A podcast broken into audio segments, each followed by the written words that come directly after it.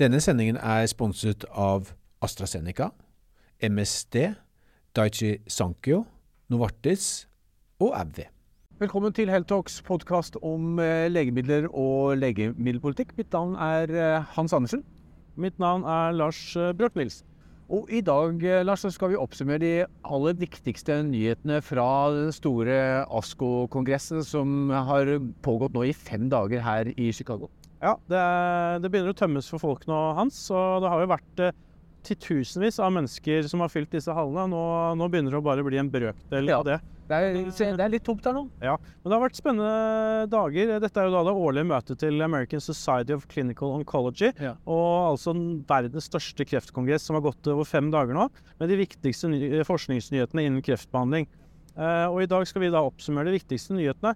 Men uh, Hans, dette er første gang du har dekka ASKO direkte fra Chicago. Hvilke opplevelser er det du sitter igjen med? Ja, det, det er overveldende. Uh, Her er det jo en eh, Dette er verdens største kongressenter. uh, McCormick-senteret. Her har 30 000 eh, leger, forskere og topper fra legemiddelindustrien møtt hverandre for å dele de aller viktigste dataene og studiene innenfor eh, kreftbehandling, som vi nå snart skal snakke om. Og eh, det har jo vært eh, enormt mye mennesker, og, dette er jo sammenfalt med Taylor Swift-kongress, eh, kon, eh, si kongress, men eh, konsert. Eh, rett her ved Soldier Field Stadion, som rommer 60 000 over tre dager, har hun holdt kongress. Så det har jo vært også et fullstendig trafikkaos uh, i området. Bare det å komme seg hit var jo ikke akkurat lett. Var, eh, det virker som om Taylor Swift eh, forfølger Kreftkongressen. For når vi var i eh, New Orleans for å dekke blodkreftkonferansen eh, ASH, så var hun også der. Men da mm, var hun som tilhører på en av de prominente jazzkonsertene der, da. Uh, nei, jeg syns jo selv at uh, det har vært utrolig spennende å være tilbake. Jeg var jo her i fjor, uh, og det var jo like mye folk i år. Og det er bare en utrolig stemning som man nesten bare må ta og føle på her. Det, det, er, det, er, det blir ikke det samme å sitte hjemme og dekke en sånn eh, kongress, og vi er veldig glad for at du dro ut. Absolutt. Eh, Men la oss eh, hoppe rett inn i det, Lars. Eh, Vi, vi må jo snakke hva, om hva de viktigste nyhetene er. Ja, og, og, og det er jo du som på en måte har fulgt tettest eh, hans de store internasjonale nyhetene. Og, og det vi kan kanskje oppsummere med først, er at det, det har kanskje vært på lungefeltet der de største har fått. Kan ikke du starte med den aller største nyheten? Ja, Jeg tror, det som, jeg tror de fleste vil være enige med meg om, det er at den største nyheten kom på eh, overlevelsesdata, da vi fikk ekstraordinære vil jeg si, overlevelsesdata for lungekreftpasienter som fikk tragristo eh, etter operasjon. Det var den såkalte Audaura-studien.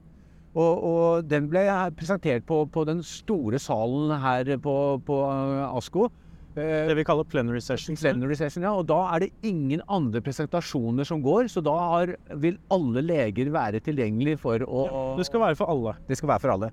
Eh, Så, så det var en, en virkelig stor opplevelse, og, og, og, og presentasjonen fikk en stor applaus. Tusenvis av mennesker i salen. Mm. Titusenvis kanskje til og med. Ja. Vi må jo si litt om resultatene, Lars. Ja, fortell.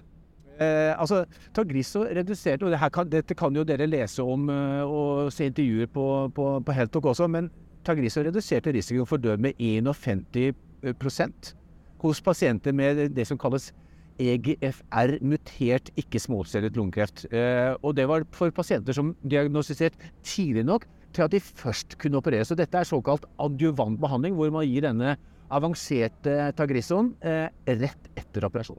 Og du gjorde et lite stykke arbeid hans og fikk faktisk intervju med, med førsteforfatter og principal investigator, altså hovedutprøver for denne studien. Ja. Uh, Roy uh, Herbst, uh, hva fortalte han deg? Altså, det var jo et veldig det si, Det er veldig spennende å snakke med sånne internasjonale kapasiteter. Og det er jo flott at han tar seg tid også til, til norsk presse, ikke bare de store amerikanske.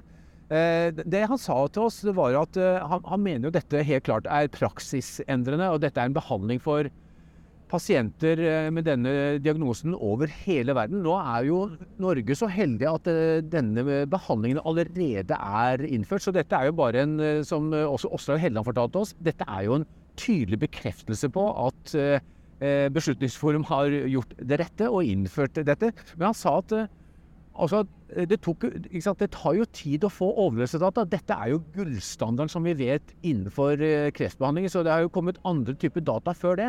Ja. Eh, og det tar eh, Det tok eh, håper si vinterroboter, sa han på, på amerikansk. Eh, men når han først fikk dataene, så ble han svært, svært glad. Og han ble kanskje det var liksom, Han visste at det skulle bli gode, men at de skulle bli så gode, det, var, det trodde han ikke.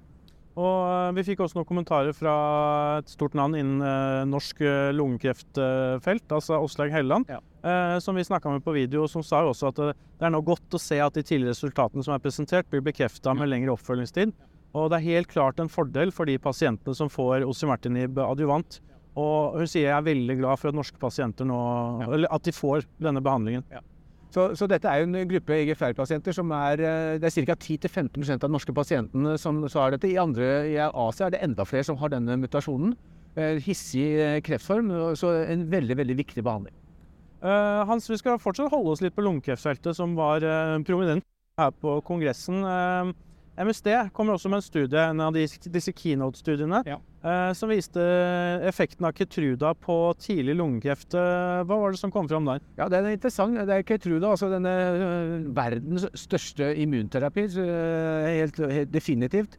Det, de, de kom med en keynote-studie som sa at bruken av Ketruda før og etter kirurgi hos personer med tidlig stadium med lungekreft, de, den reduserte risikoen for tilbakefall, øh, altså sykdomsproduksjon eller død, med hele 42% sammenlignet med placebo. Så dette er jo da en eh, behandling som gis både neoadjuvant, altså før du skal operere, og etter operasjon adjuvant. Eh, og det er eh, veldig interessant, for det gir jo mer klinisk støtte nå for at immunterapi i tidligere stadier av lungekreft, eh, først da for å krympe svulsten eh, før operasjon, eh, for å forbedre de, de kirurgiske resultatene, og deretter postoperativt for å eliminere gjenværende svulster, det har en, en, en plass innen behandlingen.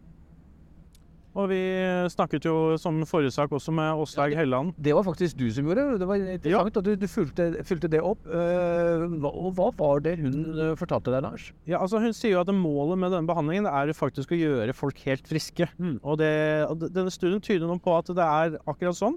Eh, det er jo da toårsdata som har blitt presentert her nå, og som viser denne som vi kaller signifikante forbedringen. Mm. Eh, og ifølge Helland så betyr det at masse nå at flere kan bli friske av behandlingen. Ja. Og disse pasientene blir operert i Norge i dag, eh, men eh, ganske mange får tilbakefall.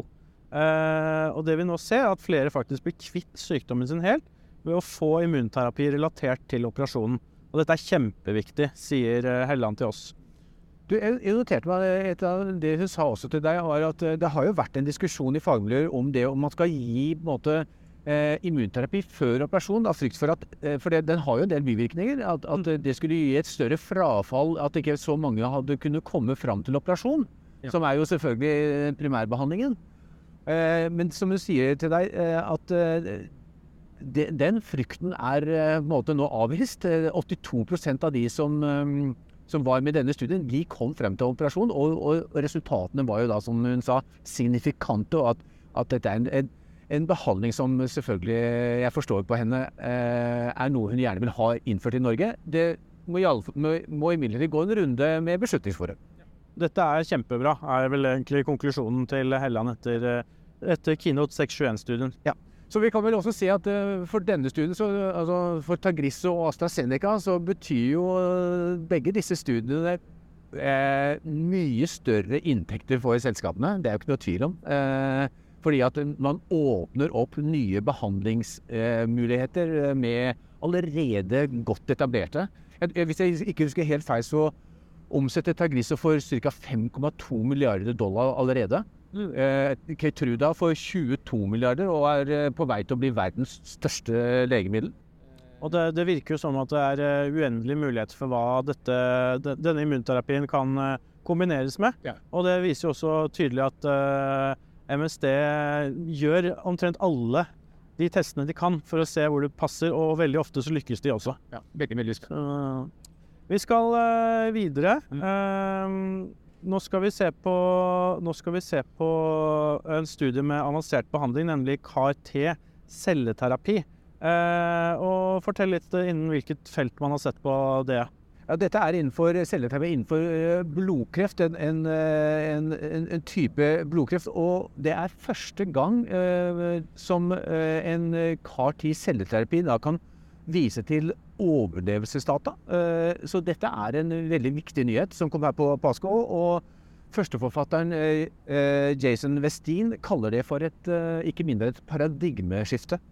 Uh, og Det er Jaskarta altså fra Gilead som viser at uh, den forlenger livet til pasienter med det som heter uh, storcellet B-cellelymfom med 27% Og da sammenlignet forskerne behandlingen i andrelinje, som det heter, altså etter at de har fått tilbakefall på førstelinjebehandlingen, med da andre, den, det som er standardbehandling over hele verden eh, som er på andrelinje, som er høydose kjemoterapi med det som kalles autolog stamcellestøtte, HMAS. Eh, og denne behandlingen har vært enerådende nå i eh, 30 år. Og nå mener forskerne eh, at det er helt klart at eh, vi har et alternativ som er bedre enn det som da har vært etablert behandling, kurativ behandling, i, i 30 år. Så det er, eh, det er veldig oppsiktsvekkende og gode data. Uh, hvorfor er, er, kan dette være en viktig nyhet for uh, norske pasienter?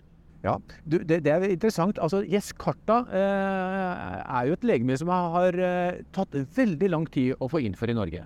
Det tok flere år. Mange andre land, også andre skandinaviske land, var før oss med flere år. Beslutningsforum sa nei og nei og nei pga. det de mente var høy pris. Men det er nå innført som tredjelinjebehandling eh, for eh, ca. et halvt år tilbake. Nå er eh, det en studie, da, og nå holder Legemiddelverket på å vurdere om dette skal inn i andrelinje, som denne studien da har, har dreid seg om. Ehm, så du kan si at det er helt klart eh, nå gode, veldig gode data og gode argumenter for at dette bør da også inn som eh, andrelinjebehandling. Og det kan komme opp i Beslutningsforum allerede før sommeren. og hvis ikke kommer, rekker det, så blir det rett etter. Rett etter så, så mest, og jeg, jeg tror at mest sannsynlig så vil Beslutningsforum si ja til andrelinjen, fordi at gitt at Gilead ikke øker prisen, som, hvilket det uh, ikke skulle være noen grunn til å gjøre, så er det slik at uh, det som kalles uh, ICAN, altså kostnaden for, for dette legemiddelet, vil være, vil være ikke noe større kostnad å innføre dette som andrelinje enn som, som, det som er i tredjelinje allerede i dag. Og som vi har skrevet om tidligere, norsk fagekspertise på området er jo ikke tvil om at det er bedre å gi denne selvterapien i andrelinje i stedet for tredjelinje, sånn som vi gjør i dag. Eh, hvorfor det? Det er rett og slett fordi at eh, i, når pasientene får det i tredjelinje, så er, så, så er de rett og slett slitne. Pasientene de har gått gjennom Da er de si, kommet et lengre skritt på veien mot å dø. Eh, så, så dette er jo en kurativ behandling. Uh, og det er en fordel å, rykke den tidligst mulig opp i behandlingskjeden. Uh, så, så alternativet da, altså HMAS-behandlingen, er, er, jo kurativ. Mange blir uh, kurert for det. Så, så, det er en fordel å flytte det som er enda bedre enn dagens standardbehandling, høyere opp i, i behandlingen. Så, så, jeg tror mitt stalltips er at Beslutningsforum kommer til å få store problemer med å si nei til dette.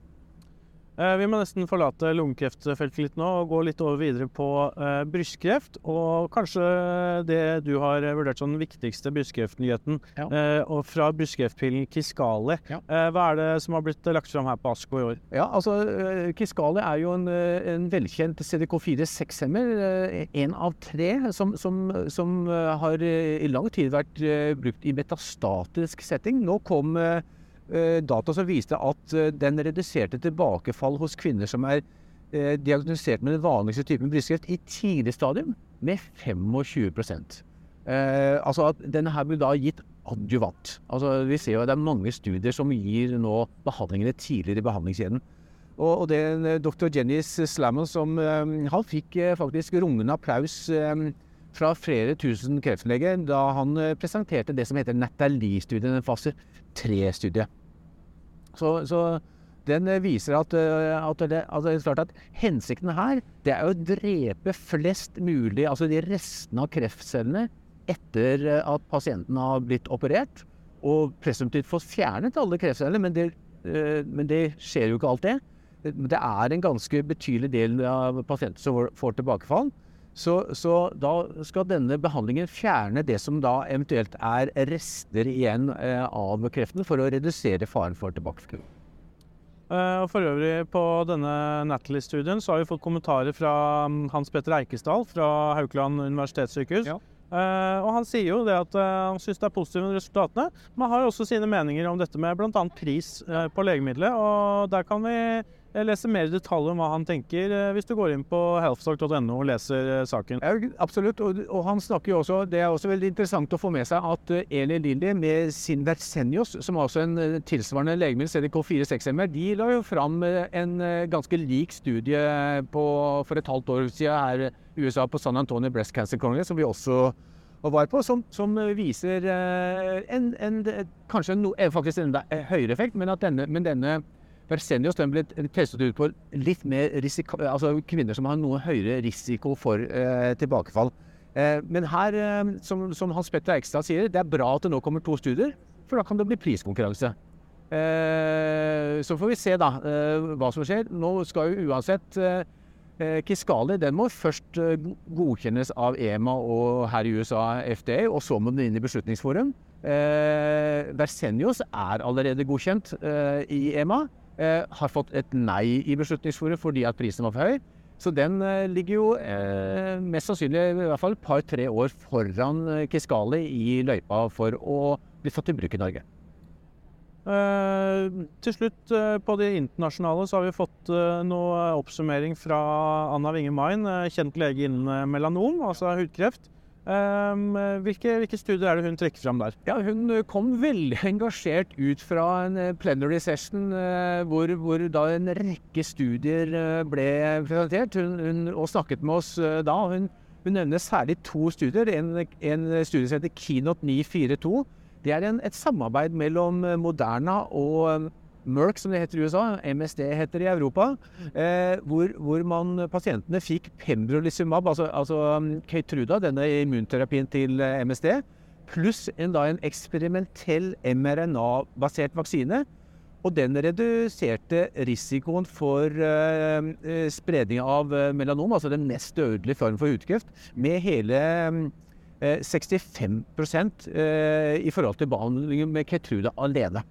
Og Tidligere har vi sett data fra denne studien publisert. eh, Da viser den at den reduserte risikoen for å dø av melanom med 44% Så det er eh, Det viser jo da eh, en, en trend som vi ser at som du også var inne på, at immunterapi som Keytruda prøver å kombinere seg med annen type eh, behandling for å, å trenge inn i nye sykdomskategorier og tidligere opp i behandlingskjedene.